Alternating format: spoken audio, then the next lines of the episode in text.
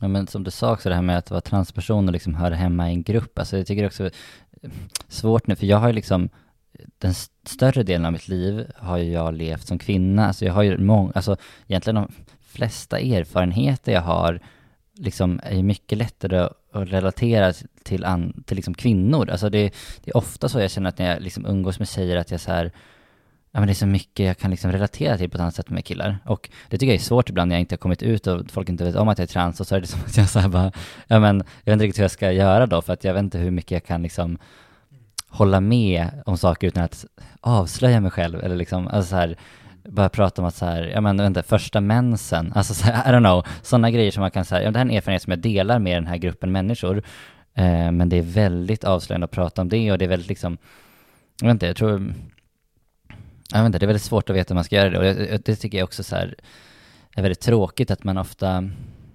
tycker jag, inom eh, diskussionen kring trans, kan ta sig ifrån den upplevelsen.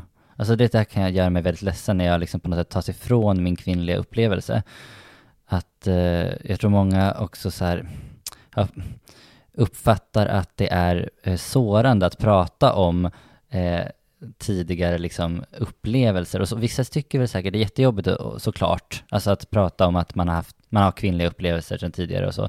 Men för mig är det också viktigt, alltså att jag har de erfarenheter jag har i mitt liv och, och att jag, ja, men leder som flata, formade mig, jag har uppvuxen som kvinna, uppfostrad som kvinna, det har format mig jättemycket eh, och, och jag vill liksom inte ta ifrån det heller.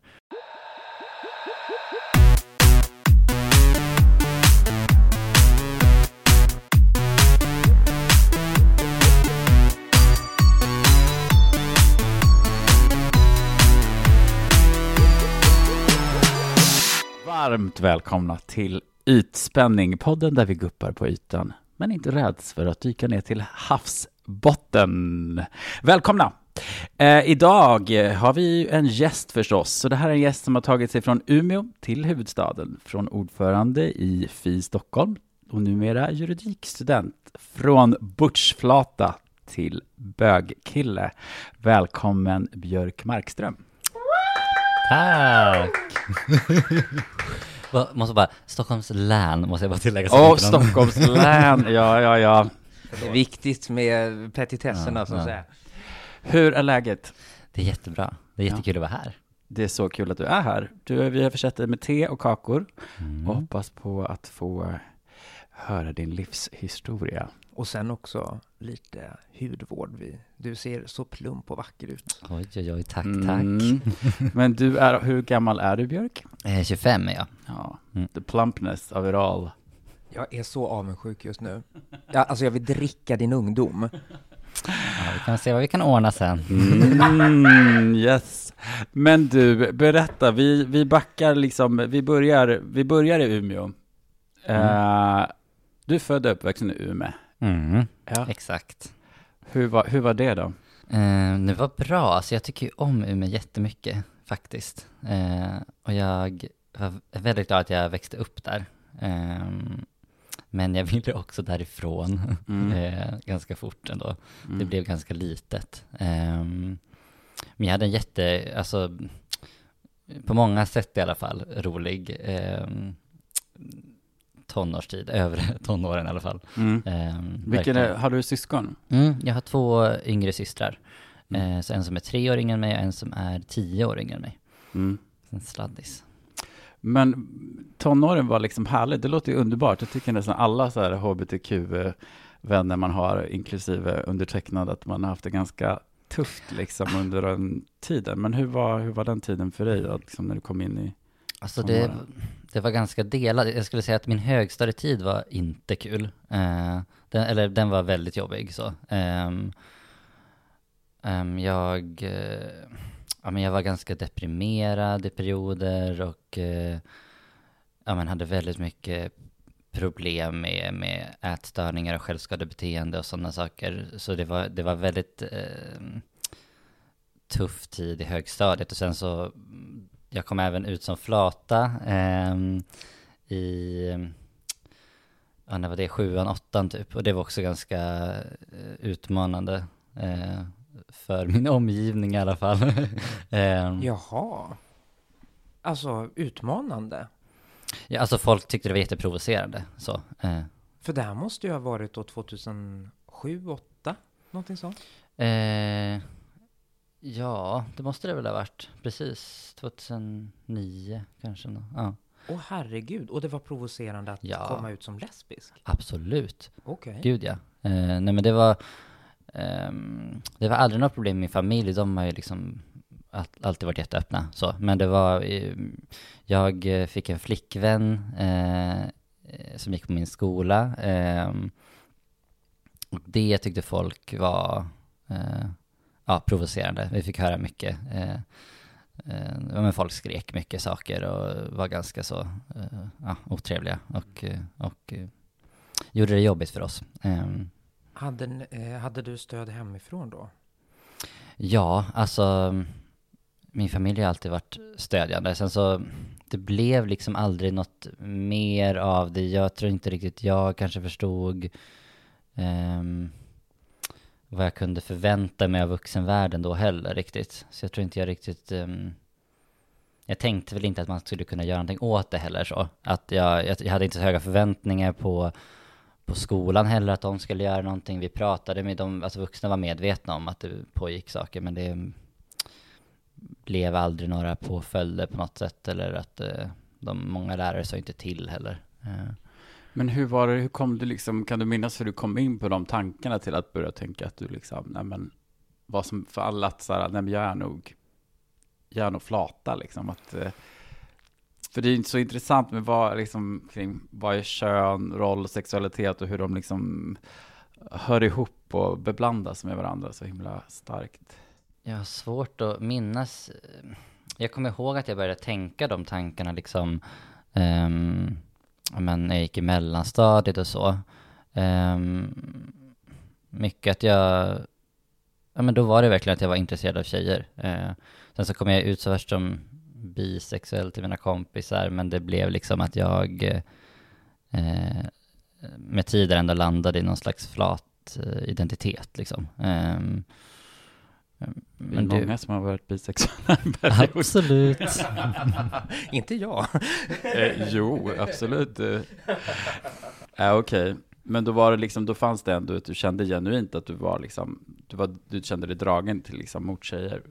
Ja, och sen så, alltså det, det svåra i det här tycker jag också är att det, det är så mycket som på något sätt jag misstänker kan vara en efterhandskonstruktion också. Jag har svårt att liksom veta riktigt vad jag i efterhand eh, tänker är en förklaring till min eh, liksom utveckling eh, identitetsmässigt. Så att, men men jag, alltså jag har alltid också haft, jag har minnen av att jag ändå har varit att, attraherad av killar också, alltid. Men det har varit väldigt svårt för mig att närma mig det. Alltså att jag hade absolut eh, tankar på, på det även när jag var yngre, men det tog emot. Det var väldigt svårt för mig att närma mig det. Det var mycket mer naturligt för mig att liksom närma mig tjejer sexuellt. Eh, Du kunde bli sedd på ett sätt som du kände dig bekvämare med.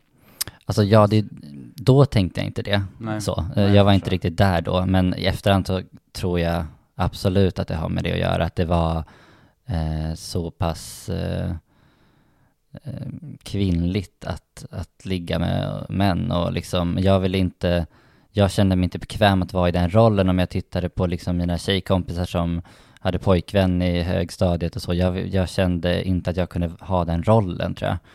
Ehm, också så här, alltså förhållanden i högstadiet är ju också så himla liksom, eh, där kan man ju verkligen snacka om könsroller och det är verkligen, ja, jag, det var väldigt obekvämt för mig den tanken. Ehm, och jag har också bara så här, men haft enklare att närma mig tjejer eh, också. Mm. Eh, det är liksom på senare år jag har lärt mig umgås med killar. Ja, just det.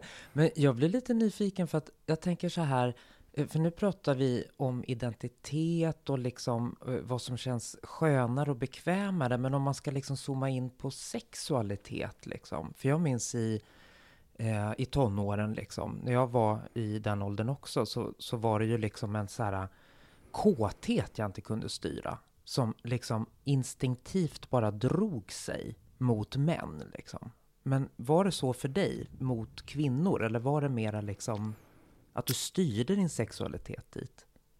Alltså, mm, jag har inget minne att jag hade den dragningen på det sättet mot tjejer. Alltså jag har ju liksom, inte för att på något sätt förneka mina år som lesbisk och, och de sexuella förhållanden och de kärleksförhållanden jag har haft där, men det har liksom varit mycket mer kontrollerat, alltså och, och ja, mycket mer um, inte lika eh, liksom kötsligt på samma sätt, mer eh, intellektuellt nästan på något sätt. Eh, alltså det, och det där är, Ehm, det är också så, jag tycker det är så intressant det här när man liksom, jag har verkligen blivit så mycket mer eh, biologiskt medveten av att genomgå en transition, också så här vad hormoner gör, eh, alltså min, min liksom sexuella lust och min eh, min relation till sex och sexualitet har ju helt förändrats också sen jag började på testo. Eh, och det handlar nog också om att jag är mer bekväm, men också tror jag hormonmässigt att jag bara, alltså så här, det är, en, det är liksom, det, det, gör väldigt mycket. Och jag tror att det i kombination med att jag var så deprimerad och jag var liksom inte hemma i någonting egentligen, så tror jag gjorde att jag, jag hade liksom inte så stark sexuell lust egentligen på det sättet när jag var yngre. Ja, men I wanna second that, att alltså det finns en biologisk aspekt till det också, alltså hormoner som inte går att förklara med eh, föreställningar eller fantasier, fördomar sådär liksom. Alltså för att jag minns ju hur det var att ha testosteron i kroppen. And it's a sex machine racing fucking hormone girl. alltså det är helt stört alltså. Eh, och med jag menar, som transtjej, nu har jag ju liksom mer östrogen i kroppen än vad de flesta biotjejer har liksom. Och det, blir, det betyder ju ofta drastiskt minskad eh, sexlust. Mm. Så, ja. Ja, men alltså jag har, jag har aldrig innan jag började på testa känt att, att sex på något sätt är ett behov. Alltså det, jag, jag har aldrig tidigare känt att det är någonting jag på något sätt behöver fysiskt så, eh, och det, det är liksom, det är inte, jag har inte riktigt fattat att det kunde ha varit så för folk också mm. innan jag började på testa. Det är liksom helt nytt, alltså verkligen. Um, Men om vi, vilket år var det du började på test då? Mm, var det fyra år sedan tror jag. Ah, okej. Okay. Mm. Men då hade du, du flyttade till Stockholm efter, efter gymnasiet eller? Ja, jag bodde ett halvår i Berlin. Eh, mellanlandning där. Good. Ja. Men sen landade jag i Stockholm. Ja. Mm. Och eh, när du kom hit, eller var du fortfarande liksom som liksom bortsflata, eller hade du börjat liksom fundera kring identiteten liksom på ett annat sätt? Och jag tänker på för mig själv, så här, var det mm. verkligen att när jag, eh, när jag flyttade till Stockholm, när jag året jag fyllde 20 så hade jag verkligen så bestämt mig för att jag hade kanske varit lite innan och så här, nej men jag är en bisexual. Alltså men då kände jag så här, nej men nu flyttar jag till Stockholm och nu får jag bara, nu är jag bög. Alltså nu får jag mm. liksom, det var så här, det var så bra för mig i alla fall, då hade jag så här ett tillfälle när jag liksom, nu, nu får jag mm. börja verkligen stå upp för det här.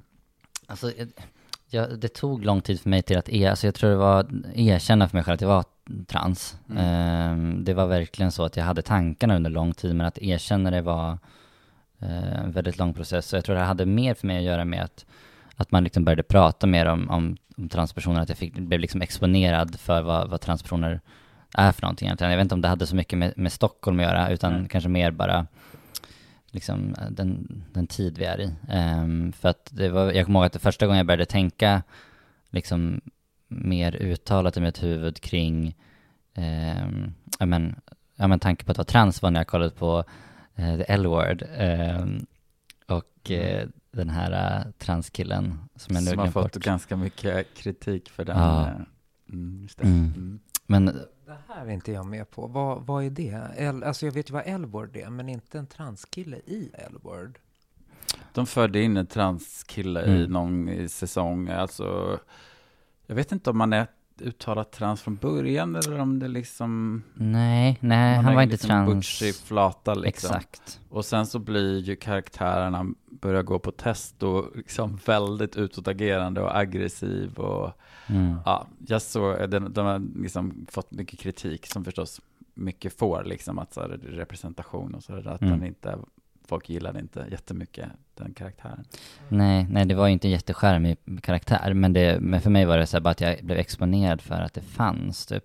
Mm. Ehm, att han liksom började på hormoner och eh, pratade om att eh, göra liksom top surgery och så här. Mm. Då kommer jag ihåg att jag började tänka på det första gången. Men sen så tryckte jag undan det väldigt mycket och det var väldigt så stigmatiserat för mig också tror jag, för att jag var så himla engagerad liksom feministiskt faktiskt. Alltså att jag på något sätt tyckte det var jättejobbigt att, att tänka de tankarna för, att jag, för att jag tänkte att det handlar om att jag förnekar liksom en kvinnlighet och att jag ja, men, eh, förtrycker min egen kvinnlighet och att jag bara tycker det är jobbigt att vara kvinna och att det är liksom ett feministiskt nederlag på något sätt att, att uh, vara trans, att jag gör det liksom lättare för mig själv. Så det var mycket, jag tror det var mycket det som gjorde att det var en ännu längre process nästan, för att jag, jag tyckte det var så eh, skamfullt på något sätt, politiskt nästan.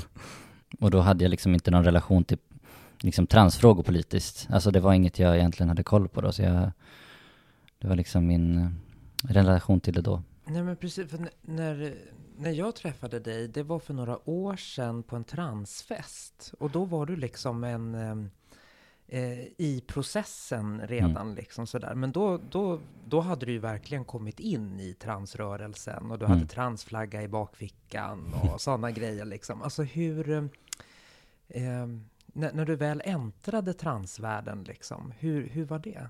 Det var väldigt befriande. Det var verkligen också en, en, liksom en process som var väldigt stegvis. Alltså, jag kom ju liksom först också ut som icke-binär eh, och gick till den utredningen jag gick på Anova. Eh, så jag har ju också den diagnosen. Jag har, har liksom ingen klassisk eh, eh transsexualismdiagnos transsexualism-diagnos utan jag har ja, könsidentitetsstörning, eller vad den heter, den som är liksom mer eh, mellanting så att säga.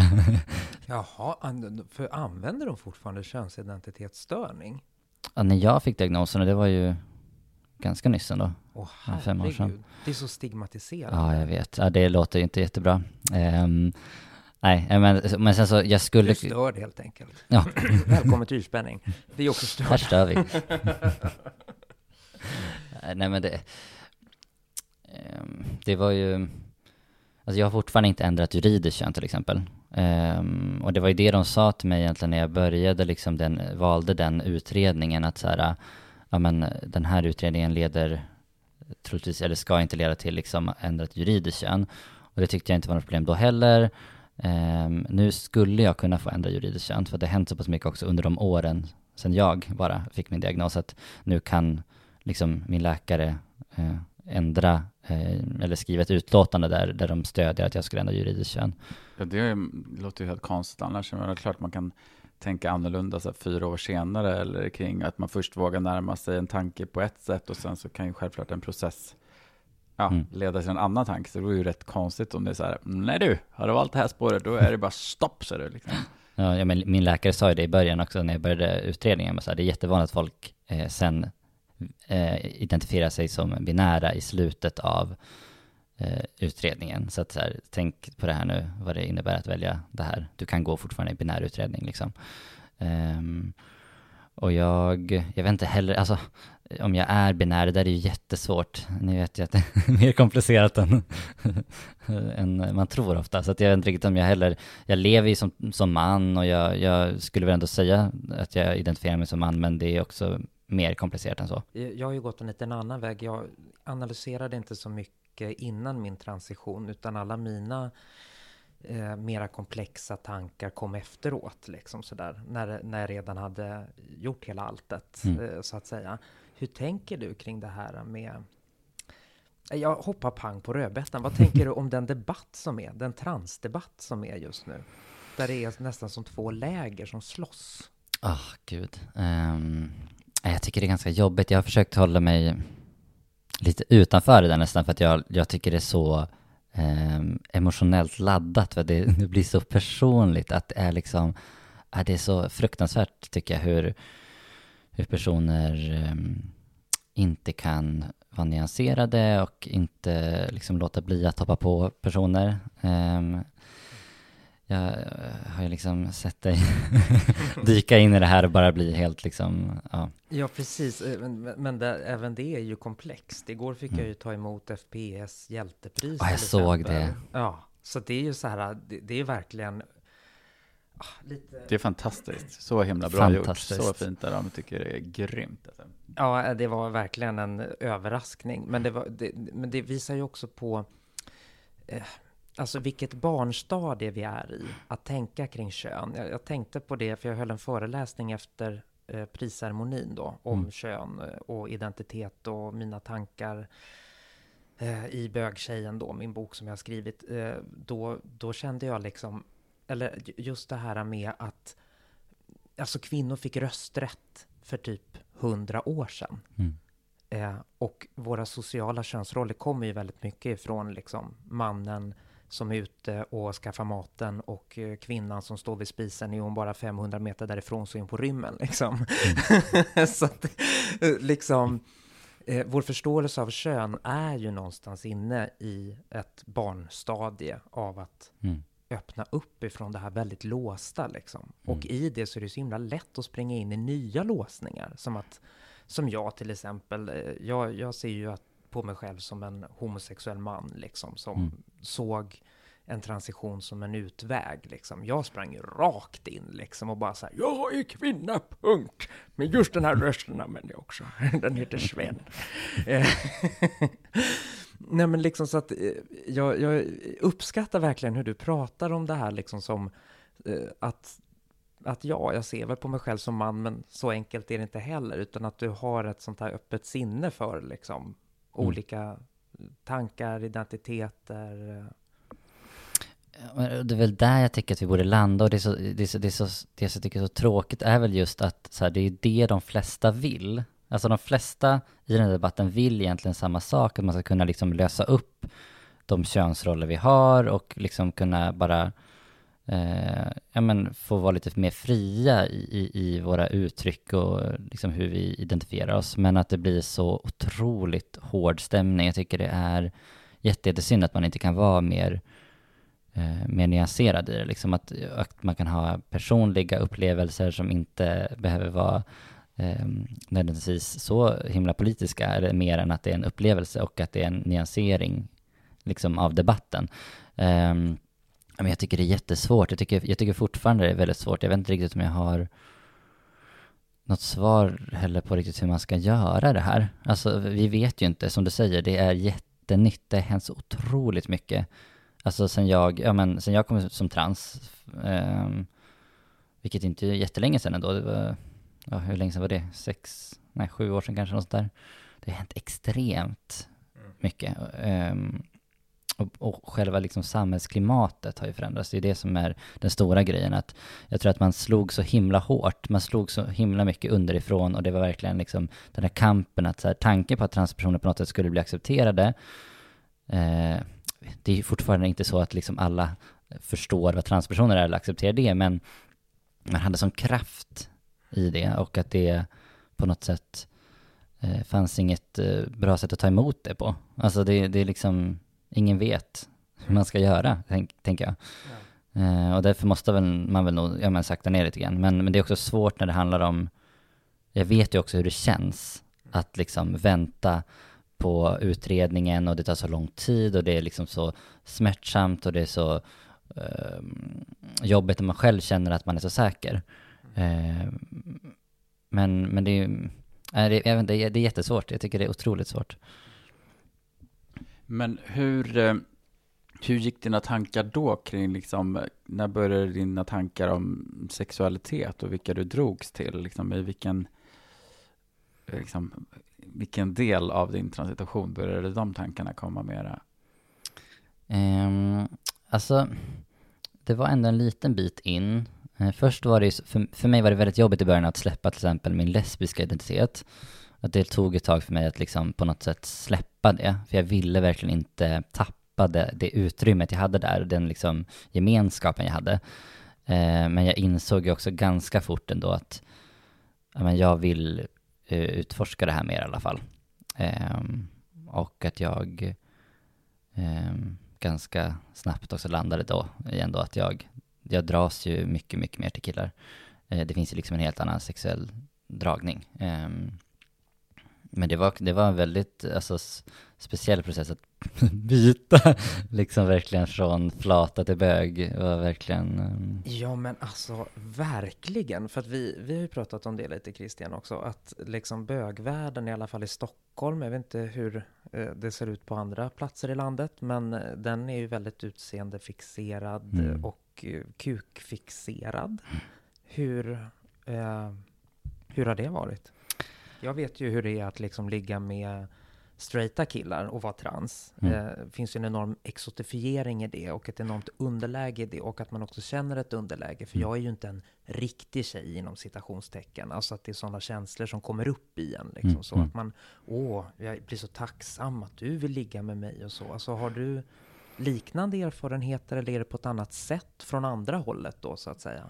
Nej, alltså det var ju ganska speciellt. Det var ju verkligen alltså, konstigt att gå från att liksom, ja men, dejta flator där det är väldigt så, det är väldigt mycket relationer, det är väldigt mycket liksom eh, prata, det är mycket mer alltså känslomässig medvetenhet. Man har inte sexdejter på samma sätt liksom. Och sen så, från det till att ha grinder och liksom försöka träffa personer, alltså det var ju, det var ju jättekonstigt för mig att så här, eh, veta hur jag skulle liksom vara. Jag, alltså, jag, jag hade liksom aldrig varit med om något liknande, men det var ju Ja, det var mycket exotifiering och många som inte fattar. Jag var väldigt, väldigt tydlig så här, he, alltså hela tiden på Grindr att så här, ja, men jag är trans. Jag, jag var jätterädd för att någon skulle så här, upptäcka det. Eh, om man träffades så skulle någon, ja men man blir rädd att folk ska, jag vet inte, bli våldsamma eller vad som helst. Mm. Um, och, men alla fattade ändå inte det. Många trodde jag var transtjej, alltså när jag skrev så här, trans, eller så här, liksom, de fattade inte att transkille betydde ah, ja, ja. liksom female to male. Eh, och att det var väldigt mycket förvirring kring sånt. Eh, men också att folk hade den liksom, jag vet inte, fetischen. Alltså, det finns ju såklart också. Eh, men det, det var, jag är glad att jag provade hela den svängen, men eh, det var ändå kanske ah, det, jag slutade ganska fort med, med Grindr också ändå. Det var eh, lite svårt också, mm. faktiskt. Mm. För du har ju en kille idag mm. som du har levt med rätt länge. Mm, exakt. Men vad skulle du säga, det är förstås liksom svårt att um, dra några stora slutsatser. Ditt empiriska underlag är väl kanske inte enormt, men liksom, finns det någonting du tycker är en skillnad liksom, med att ha en relation förstås med en, med en kille när du själv också identifierar dig som kille, eller liksom när du har haft liksom en mer relation med en tjej och identifierat dig som flata? Liksom. Alltså, egentligen, jag tror att det mm, jag tror att det nog finns, om man nu skulle liksom försöka göra lite större undersökning, så tror jag säkert det finns stora skillnader. Men jag har inte upplevt jättestora skillnader, alltså förutom i mig själv, att jag har liksom är, har utvecklats som person så, men jag har inte riktigt upplevt att det att jag funkar på något sätt annorlunda i relationer, annat, annat än att liksom, ja, men att jag är en person som utvecklas och lär mig. Eh, och eh, är tryggare i mig själv. Du har ju ändå haft ganska många och ganska långa relationer trots att du är så pass ung, eller ja, hur? Ja, exakt. Ja. Verkligen. Så du har haft lite träning? Mm, ja, men precis. eh, verkligen. Eh, jag tror att det handlar mycket om, om, om det också, att jag liksom eh, utvecklas. Jag tror att det är den stora skillnaden faktiskt. Men sen så tror jag att om man ska liksom titta på eh, personer generellt så tror jag att det är ganska stor skillnad. Alltså, mm. det finns ju, som vi vet, olika könsroller som påverkar oss i relationer också. Om man ska, det här, den här podden heter ju ytspänning. Mm. Om vi ska prata lite yta kopplat till det här som vi snackar om. Mm. Eh, hur har det gått eh, stilmässigt? Det finns ju en viss flatstil och det finns ju en viss gaystil och liksom har, känner du att du har hängt på trenderna eller har du gått din egen väg även där? Eh, ja men både och tror jag. Jag tror att, eh, alltså jag, jag, det, jag fick verkligen ett uppvaknande när jag liksom började på test och så och passerade lite mer som man, att jag kände alltså verkligen att jag kunde uttrycka mig mer feminint. Eh, innan var jag ganska, alltså sträng i, i att jag verkligen, ja men uttryckte mig väldigt maskulint. Um, men att jag kände en helt annan ja, men frihet att kunna uttrycka mig på feminint också. När jag, men när jag, när jag liksom vägde upp med mer eh, maskulin kropp och, och så. Um, så det det som är så spännande, för du beskriver dig själv mm. ibland, eller är i texten, som en fjollig bög. Liksom. Mm. Ja, ja, men det tänker jag ändå att jag är. Jag vill gärna vara det. Alltså jag, jag det känner mig väldigt bekväm med att uttrycka. Eh, och jag, ja, det är jättehärligt tycker jag att kunna liksom, eh, ja men klä mig mycket mer, eh, liksom, mycket bredare. Eh, det är jätte, jätteskönt. Eh, sen så har jag kvar mycket såklart av vad jag haft innan. Och sen så finns det ju också liksom, jag tror jag har blivit ehm, lite mer med åren nu medveten också om vad som är liksom, ja men hur bögar eh, vill att man ska se ut och så. Så jag tror jag har börjat kanske gå ifrån det lite mer. Jag har tänkt, blivit medveten om det, så jag försöker gå emot det också. Men mm. att jag ändå försöker klä mig ganska maskulint när jag vill se snygg ut liksom. Um, men jag är fortfarande mycket friare än jag var innan, verkligen. Vad, vad är, vad tänker du att den typiska bögstilen är då? Det är lite intressant. Ja, jag vet, alltså. Man ska ju se rätt grabbig ut, eller liksom, det är väldigt så här ändå. Jag, jag, tänker att det är ganska maskulint, alltså att det är ganska så, um, i alla fall som det ser ut nu, så tänker jag att det är mycket att så här, framhäva någon slags maskulinitet, men ändå med stil såklart. Eh, men det är ju rätt intressant, för som vi har pratat lite grann om i tidigare avsnitt, så här, när vi började gå ut i slutet på 90-talet, liksom, att eh, mm. då var det ju verkligen många gays som hade ett betydligt liksom mera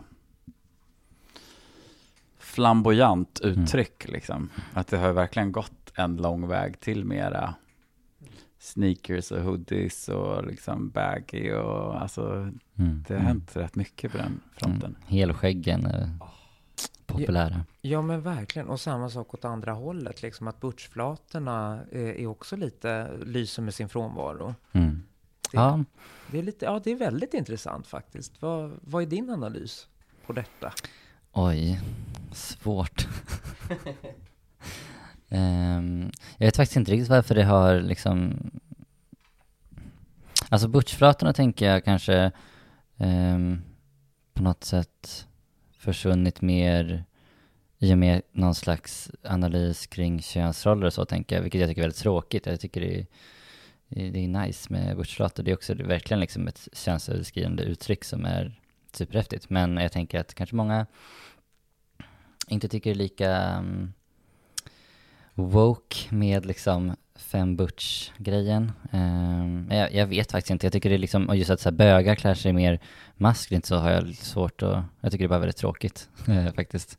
Det, det, det är tråkigt att det ska liksom gå från att vara mer feminin till mer maskulint, jag vet inte. Jag tänker att femininitet liksom i, i bögvärlden, så här, det, det är ju liksom någonting med liksom att folk säger bara, men jag vill ju vara med en kille som är en kille, jag vill inte vara med någon som ser ut som en tjej. Alltså det finns mm. ju ändå något sånt här, äh, är liksom mindre experimentellt. Jag tänker liksom att riktigt så, jag tycker det är mycket som har hänt i och för sig. Jag tycker inte att mm. folk var heller så mycket, äh, liksom identifierade sig topp och liksom sådana här grejer heller liksom där mm. i slutet på 90-talet. Att det, så här, det har blivit mera man ska vara tydlig. Är det liksom, fan är det? Vi, så här, äh, vi ska liksom sälja oss, liksom, vi ska vara tydliga i vår marknadsföring. Vi måste mm. liksom vara, eller what is it, liksom, som gör att vi har gått mot en väldigt så här, äh, mm. Ja men det kan ju handla just om marknadsföring. Jag tänker, ja men på Grindr, där måste man ju mm. verkligen marknadsföra sig tänker jag. Alltså, ja, man måste ja, ja. ha en tydlig så här, det här erbjuder jag, det här vill jag ha. Ja. Eh, där är inte liksom kanske den, där man ska vara nyanserad direkt faktiskt. Alltså, Nej. Eh, Nej men så är det ju. Sociala medier fanns ju liksom inte på det sättet överhuvudtaget. Och mm. idag handlar det ju verkligen mycket om att så här, det ska vara väl, du ska se på tre bilder mm. och läsa några rader om så här, det här och vissa grejer. Har du vissa uttryck och vissa typer av bilder så är det ju säkert så att liksom scrollas förbi rätt mm. snabbt. Mm. Liksom. Ja. ja, verkligen. Det är hårt på många sätt. Ja, det är väldigt hårt. Det, ja, det, var, ja, det var väldigt svårt för mig att vänja mig vid, vid den hårdheten mm. faktiskt. Alltså det är verkligen uh, speciellt. Mm. Det känns som att det är ganska unikt för bögvärlden. Alltså det känns som att, ja, jag vet i och för sig inte hur det är bland straighta om de har, men det känns inte som att sex uh, träffar på samma sätt, liksom att det är en grej på samma sätt. Att Nej. det är den här liksom anonyma eh, snabba träffen. Jag tror att det är vanligare idag än vad det ändå har varit förut. Liksom, jag hör ju ändå många straighta liksom, Mm. tala om så här, Tinder som en typ av så här, ja men det är ju bara så här, snabba möten, knull Mm, mm, ställer. Medan för gays så är Tinder så här ändå lite mer seriös eh, exakt. stämpel att där är ändå så här, nej men nu är jag redo att träffa någon kanske. Men det är ganska, jag tycker att det är ekande tomt där dock. Ja, men och om man träffar eh, killar i rollen som tjej på Tinder, då är det ju en knullapp liksom. Mm, mm. Eh, där är det ju, det tycker jag har blivit så här, verkligen så här scrolla höger, scrolla vänster, apropå att man liksom är en vara på en marknad liksom. Att eh, jag är varan, du är varan, vi köper varandra nästan på något vis liksom. Mm. Eh, ja. du, du var inne lite på det förut, men liksom så har du mött av någon transfobi i bögvärlden? Alltså, ja. ehm, men det har mest stannat kanske vid typ, alltså då har det ju oftast kommit fram, eh, ja, men om till exempel på Grindr så har det ju kommit fram när man har skrivit oftast. Så, så det är inte, eh, inte att jag har träffat någon direkt, Eh, mer att jag ändå, jag blev ganska förvånad över, alltså, jag menar jag har typ träffat personer ute på klubb och så, att jag ändå liksom kunnat dra hem folk från klubben och det har aldrig varit något problem att jag är trans så att jag liksom, jag är ändå så här, jag ändå, då har jag ju sagt det innan vi går hem, men det har liksom aldrig, jag har aldrig blivit liksom bemött på något sätt som har varit, för jag har alltid varit rädd att det ska bli, ja men eh, hotfullt eller bara att bli avvisad på ett jobbigt sätt liksom, men det har faktiskt inte hänt, vilket är ganska konstigt tycker jag. men det är ju en väldigt glad överraskning faktiskt, det, det är mest varit att folk har skrivit saker, eh, liksom, eh, men det tänker jag händer. Så you turn them bisexual then? Mm. ja, ja, jag vet hur det är att göra en straight kille lite bög också. Det är härligt.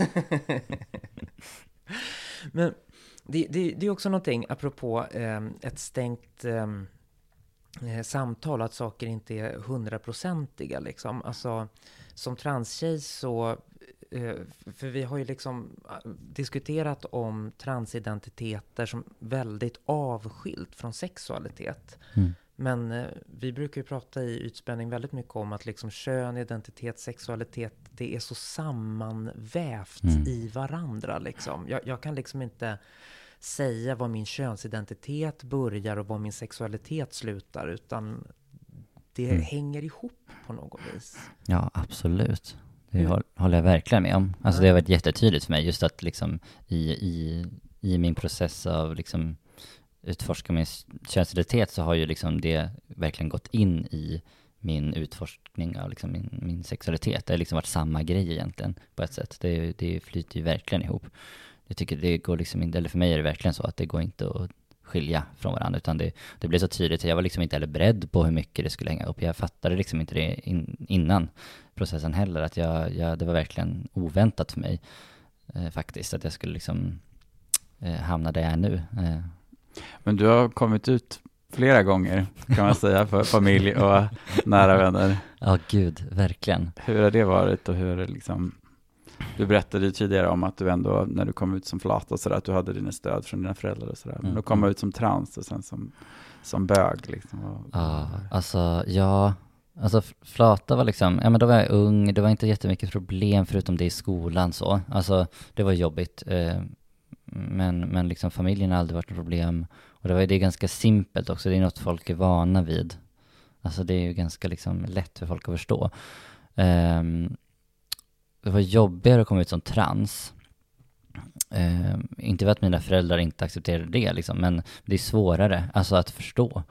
Det är ju verkligen eh, mycket, mycket mer komplext eh, för många i alla fall, eh, som inte är vana heller. Så att det, eh, men då, det var ganska, alltså jag gjorde det ganska lätt för mig också då att jag liksom kom ut på typ Facebook, orkade liksom inte, ehm, jag sa väl till dem jag liksom verkligen ville säga till liksom personligen, men sen så var det också att jag skrev det, jag bara, "Ja, men nu är det så här. Eh, och det var ganska smärtfritt ändå. Eh, sen så var det väl, det var lite speciellt där, man börjar på hormoner, man träffar personer liksom första gången sen man börjar på hormoner och så var det liksom hela den, komma ut hela tiden, processen eller liksom, det är ju, så är det ju, att vara queer på olika sätt, att liksom man kommer ut hela tiden.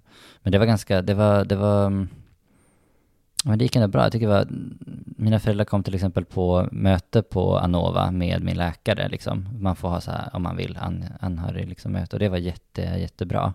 Det kommer jag ihåg att de var liksom landade i dem på ett annat sätt också för att um, de fick liksom, ja jag vet inte, det, mm, ställa frågor och liksom, ja men det var bra. Sen så, alltså jag kom typ aldrig ut som bög faktiskt. Jag, då kände jag att så här, nu, nu har jag gjort det här två gånger, jag orkar jag får liksom bara, inte. Jag får bara leva och liksom vara ihop med eller ligga med vem jag vill och inte... Ja, men jag tänker också att man så här, vid det laget så fattar man väl att det liksom allt möjligt kan hända. Mm. eh, och det är inte så fast. Nej, men det, det, jag tycker det är så himla spännande just ändå med vad som kan hända. Det är liksom som bara vad som kan hända typ bara man är i drag liksom. Mm. Och vad som uppstår. Att man är liksom, det växer en massa olika saker. Att, att hur mycket, eh, hur vi liksom blir sedda och vad vi tar i våra yttre uttryck och hur vi blir sedda och vad det väcker för saker i en själv. Det är det som är så himla intressant. Mm. Men vad, vad, vad händer då liksom i, i dig när de yttre liksom, eh, sakerna började hända? Du började, började gå på test och liksom hur, hur kändes det liksom? Att, Mm, ja, det var jättehäftigt faktiskt. Det är väldigt häftigt att liksom vara med om den processen, att här, bli bemött på ett annat sätt. Alltså att, att här, märka hur man speglas liksom hela tiden mot andra och så här, nej, oj, nu, börjar, nu är det ungefär 50-50 som känner mig som man och som kvinna, sen så liksom sakta men säkert förändras det och det var väldigt häftigt, men sen så var det ju, det var en väldigt eh, befrielse, det går liksom så fort, det är så Ja, det är verkligen en, en galen upplevelse faktiskt. Att så här Mm. plötsligt liksom kroppsbehåring kan bygga muskler, kan liksom rösten ändras skitfort. Det var verkligen eh, jättehäftigt. Det var väldigt, eh, ja, det, var, det var väldigt fint. Alltså det var, kändes, det var väldigt eh, härlig känsla. nu är inte några av er kanske medicinska experter, men jag ändå tycker fascinerande, jag tycker verkligen att det är så där. Det ser som, som att det går så väldigt fort för många. Mm. Är det liksom, är det, är det, jag antar att de vet vad de sysslar med, eller är det liksom att det blir så explosionsartat liksom? Finns det en anledning, eller går man långsammare med liksom hormoner ökar, eller är det liksom bam bitches, nu jävlar? Nej, alltså för mig började det, man, jag kommer för, ja men först så mm, tog jag lägre dos ett tag, sen så ökade sakta, men sen så, man tar ju liksom prover för att kolla, det är så väldigt olika, i alla fall på testosteron, jag vet inte hur det är med östrogen, men då är det liksom, beroende på mm, hur ens kropp tar upp hormonerna så, så liksom behöver man olika mycket, så jag har ganska lätt att ta upp hormonerna, så jag tar inte full dos. Ehm, och så kan man ju liksom ändra intervallerna lite grann och sånt. Eh, men det går ju fort, alltså det blir ju ändå liksom, även fast man gör hyfsat stegvis så, så Mm. i alla fall, det, jag tror också så här, det känns som att det går väldigt fort, för att det, i början är det så stor skillnad. Sen så händer det fortfarande saker med mig, fyra år senare, så att det är liksom, det är också väldigt eh, så stegvis. Och vilka är skillnaderna då? När, när du säger liksom att du, du blev annorlunda bemött av andra människor. Vad, vad, vad märkte du av? Alltså, en stor grej är ju hur killar bemöter mig. Eh, och det är, jag tycker fortfarande att jag har så svårt att, att hantera, ja men exakt, alltså jag har så svårt att hantera det fortfarande, när man får någon så här fistbump eller liksom den här äh, manliga konstiga kramen på liksom ena axeln, eller liksom det är så här, alltså det är så, och, och ja men så här eh, gra, grabben, eh, mannen, Mm. alltså sådana tilltal, jag, jag, jag är så otroligt svårt att hantera det, jag blir liksom fnissig av det för det känns så löjligt. Så känner ju jag också väldigt det- mycket. Jag tänker mig att det är, det är inte bara eh, Nej. transkillar som upplever Jag har ju något som jag tycker är så tydligt ofta, som jag upplever att eh, killar är eh, liksom mycket otrevligare mot, eller mycket, man, om det står en Mm. kvinna före mig i kassan på liksom, Coop så är det så Mm. här, hej, var det bra så? Jajamän, ha en trevlig kväll. Och så kommer jag så kan det verkligen vara så, tja, 114. Tja. Man bara, Ja. varför måste det så här, det finns en så konstig grej, Mm. Förstås inte bland alla, inte alla män. Men att det så lätt finns den här, äh, och kanske inte gays, utan också så Mm. straighta killar Mm, ska mm, hålla sig mm. jävligt så här, man ska vara lite kort så här. Då har man liksom mött en kille. Mm. Ja, verkligen. Verkligen. Men jag tror också, jag tror att för mig var det nog inte lika stor kontrast för att jag var, uttryckte mig så himla maskulint innan. även fast jag uppfattas som Mm. tjej så tror jag att, jag tror att jag som liksom butchflata också blev väldigt annorlunda bemött jämfört med liksom Mm. väldigt feminina tjejer. Eh, men det, den största tror jag skillnaden är att så här, ja men killar behandlar mig, ja men både på det här grabbiga sättet men också respekterar en på ett annat sätt. Alltså så känner jag ändå att jag blir lyssnad på på ett annat sätt och att man möts på ett annat plan. Det känns som att de liksom, man har en tyst överenskommelse, man kan få liksom en annan så här, ehm, man, man blir in, jag känner att jag blivit inbjuden till någon slags konstig killgemenskap som jag inte riktigt vet vad jag ska Mm. göra av, men, men det, ja. Men lite spännande också. Ja, gud, absolut. Det är jättespännande. Men det, ja, det är väldigt, det är väldigt liksom, eh, ja, det är väldigt intressant. Det känns som att jag är en spion ibland, faktiskt. Mm. Eh, det är inte självklart att jag ska vara där alltid, känns det som. Mm, den känslan har jag också. Mm. Eh, och det är ju lättare att klocka en transtjej än vad det är att klocka en transkille. Mm. Eh, alltså nu använder jag trans-language här, men alltså klocka är att man eh, upptäcker att oj, jaha, du var född som det där från Mm. början liksom. Men eh, ja, eh, det, det är väldigt intressant. Jag, jag kan också uppleva att det har varit lite traumatiserande på något vis. Att liksom ha två så tydliga sociala erfarenheter Mm. utifrån eh, ens utseende. Ehm, för som eh, liten homogay-kille, eh, precis som du säger, liksom, så att jag har ju inte ändrat någonting i min personlighet. Liksom. Det var ju inte så att, att jag var värsta mannen liksom, som blev jätterespekterad och bara ”haha, tjenare”. Eh, liksom så, utan de sidorna har jag väl hittat lite mer nu på senare år. Liksom. Men, Mm. Eh, men det är ändå en skillnad i om någon läser en som en blyg liten viol som pojke och en, ja, någorlunda dito som tjej, liksom så. Mm. Eh, och framförallt också när man blir vuxen i en kvinnoroll, liksom, så är det ju väldigt mycket eh, Tar man för mycket plats så tycker folk att man blir jobbig lite snabbare. Mm. Mm. Eh, och jag tyckte mig också se det där, det, det du berättade om den här manliga gemenskapen, den här tysta överenskommelsen. Eh, den förlorade ju jag på något Mm. vis liksom. Eh, där blev det ju att killar istället liksom började att titta ner i bordet när jag pratar eller liksom eh, helt bara, även om de visste att jag var trans liksom. De visste precis vilken roll jag hade valt Mm. och det räckte för att liksom inte respektera mig fullt ut liksom. Mm. Mm. Men det är konstigt vad det där betyder, för jag minns då när jag flyttade till Stockholm att jag tänkte, "Ah, nu kommer jag ut som bög, nu, nu kommer jag typ aldrig knappt ha någon killkompis igen. att jag tänkte, nu var jag dömd att liksom bara sitta med några straighta tjejor och liksom, ja men på något vis, jag vet inte varför, jag hade så otroligt mycket konstiga tankar, eh, kan man ju tycka i efterhand. Men, men eh, jag tror att det har betytt ganska mycket för mig ändå ha, jag hade liksom, fick ganska snabbt liksom ett gäng med killar som faktiskt de flesta var straighta liksom, vilket jag ju absolut inte trodde. Jag trodde att jag skulle, alltså det kunde jag ju drömma om att jag skulle ha liksom Mm. straighta killkompisar, men det fick jag plötsligt ganska Mm. mycket av.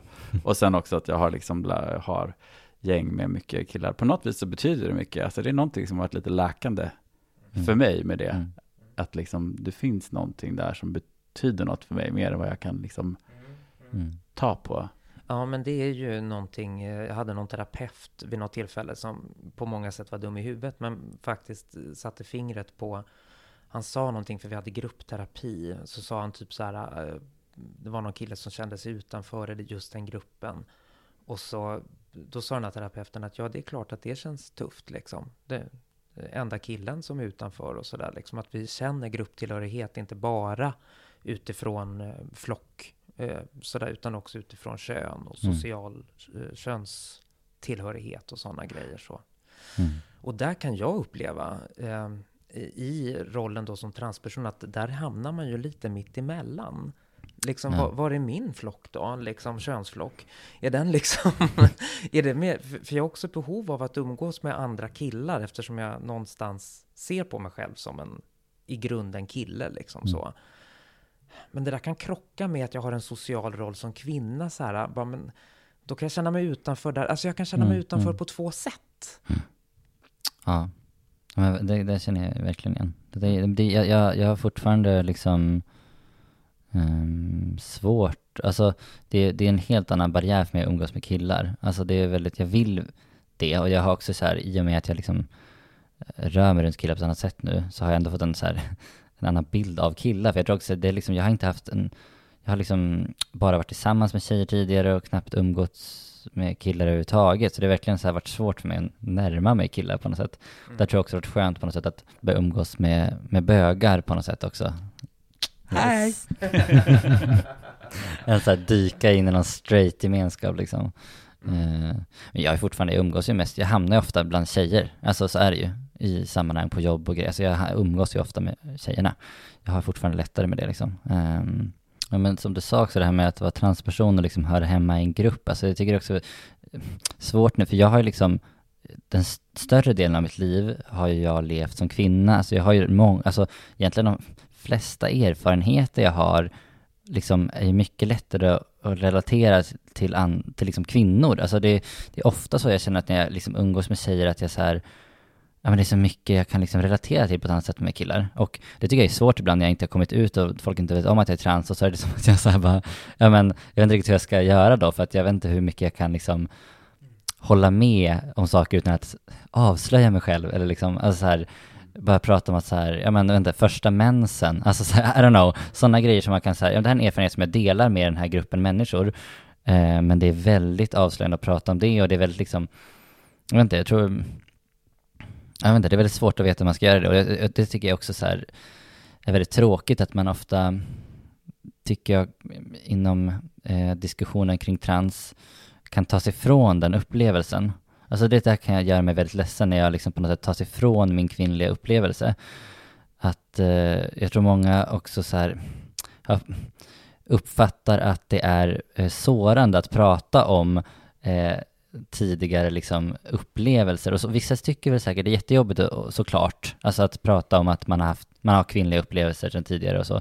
Men för mig är det också viktigt, alltså att jag har de erfarenheter jag har i mitt liv och, och att jag, med leder som flata, formade mig, jag har uppvuxen som kvinna, uppfostrad som kvinna, det har format mig jättemycket. Eh, och, och jag vill liksom inte ta ifrån det heller. Eh, men det där är såklart olika. Ja, precis. Nej, men jag, jag tror att det förenar fler transpersoner än vad mm. man kanske erkänner. För att det är klart att det är ju grunden av vem man är. Alltså mm. inte mm. Könet mellan benen, utan liksom erfarenheten mm. från barndomen. Det är klart att det har format mm, den mm. liksom på ett väldigt grundläggande sätt. Ja, verkligen. Jag. Men också tänker jag mycket i precis, som man säger också, vad man har förhållit sig emot, liksom, kanske mm. också. Alltså vad man också inte känner sig liksom hemma i. Det blir också någonting som man både kanske kan ha omfamnat några delar eller tagit väldigt mycket spjärn emot. Mm. Känner jag. Mm, mm, mm. liksom, alltså att jag typ känner att så här, jag kanske trodde att jag var mycket mera speciell och liksom ännu queerare. Alltså för att jag har så tydligt behövt ta liksom avstånd från mm. mycket av mansbilden för att jag kände så här, det här kan jag aldrig äga, det här kan jag mm. aldrig passa in i för att jag inte, när jag var liksom tonåring, men Mm, mm. Jag tänkte eh, en... Eh, för vi var ju inne på det här med identitet. Eh, mm. liksom, och att eh, du kände tidigare i livet att du inte ville eller vågade eller orkade eller hur man ska uttrycka det liksom utforska eh, det mera feminina i rollen som kvinna. Mm. Men i rollen som man så blev det lättare. Hur tänker du kring det idag? Är det någonting som du tänker att shit, det här hade jag ju kunnat göra i min tidigare identitet? Eh, eller könsidentitet, könstillhörighet, hur man nu ska uttrycka det. Mm. Eh, eller, var det, det, var, eller var det liksom behövligt att göra allt det här för att du skulle bli komplett liksom? Alltså jag tror ändå att um, det var behövligt. Alltså det är svårt att tänka att det skulle vara på något annat sätt faktiskt. Och det tog ändå så pass lång tid, eller det, för många tog det, tar det mycket längre tid, men för mig på ett sätt var det ändå en lång process.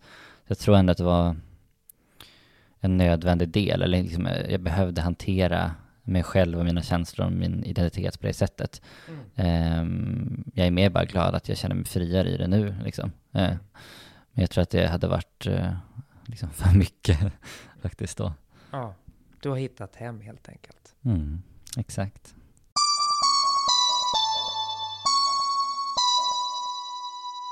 Är du redo för några fem snabba med ytspänning? Är jag det? Jag tror det, jag hoppas. Ja. Nu kör vi. När känner du dig som snyggast? Ja men när jag har fixat mig och typ en nyklippt, eh, har tränat, duschat, gjort mig snygg och ska liksom typ ut och träffa kompisar och dricka öl. När jag har lagt tid på mig själv. Vilken känd person identifierar du dig med? Oj, vad svårt. Gud. Ehm. Oj, den var jättesvår. Eh, man har bytt identitet så mycket. så det är svårt. Ehm, men kanske... Um, Gudrun Schyman, kan jag säga. Hon är ju någon jag har en härlig relation till. Jag gillar henne. She's a goddess. Mm. Okej, var befinner du dig på Kinsey-skalan från eh, uteslutande mm, homosexuell till eh, det, ytterligheterna är eh, hetero? Ah, det är så dåligt eftersom jag inte har någon skala att fråga om, men, men så att säga, känner du dig liksom i procent, liksom, Mm. känner du dig någonstans liksom Oj. män, kvinnor? Mm, kanske, mm, ska vi säga, mm, 85 mot män. Typ, tror jag. Mm. Ditt bästa skönhetshack? Eller hack? Ehm, tvätta ansiktet, tvätta eh, lakanen, tvätta handdukar. Byt ofta, mycket. Byt träningskläder. Sånt. Jätteviktigt. Inte ett hack, men det är liksom, Ja men verkligen, Eh. jag tror faktiskt att många gör skillnad där, att man, det, alltså det, det är helt fruktansvärt när man läser om hur länge bakterier lever på mm. handdukar och sånt där. Så Och ha så här, ja men verkligen en ansiktshandduk, alltså inte hålla på liksom, för då, nej, det där är, försöker jag vara noga och med. lakan och örngott sådär, bara ligger och gossar in sig i Mm. talg och bakterier. Gör det inte, byt. Eh, bra, okej, vad är din bästa comfort food? Ah, gud. Ehm, kanske ehm, snabb halloumiburgare. Det är jätteenkelt, jättegott. Eh, Och du känner nice. dig mysig och mm, mm, bara- mm, mm. Jättemycket dressing, typ bara halloumi och dressing och bröd. En klassisk halloumiburgare. Ja, men tack Björk för tack att du själva. kom. Så himla härligt det var att ha det här samtalet. Alltså verkligen. Jag vill också säga tack för att du öppnade upp och svarade så öppenhjärtigt på våra kanske ibland plumpt ställda frågor. Jag vet inte, men jag, det var en glädje att ha dig här. Det var jätte, jättekul att vara här. Verkligen, och det är precis sådana här samtal som man behöver ha. Alltså vi pratar om att det, om det finns splittring och sådana saker också. Alla erfarenheter är viktiga och liksom inte bara skrika rätt eller fel, utan alla är viktiga och liksom Mm, verkligen. Bra, Mm. tack och eh, oss hör ni igen näst, nästa torsdag. Ja, det gör ni. Ny gäst, ny dag, ny rutin, nytt allt. Puss! Puss och hej!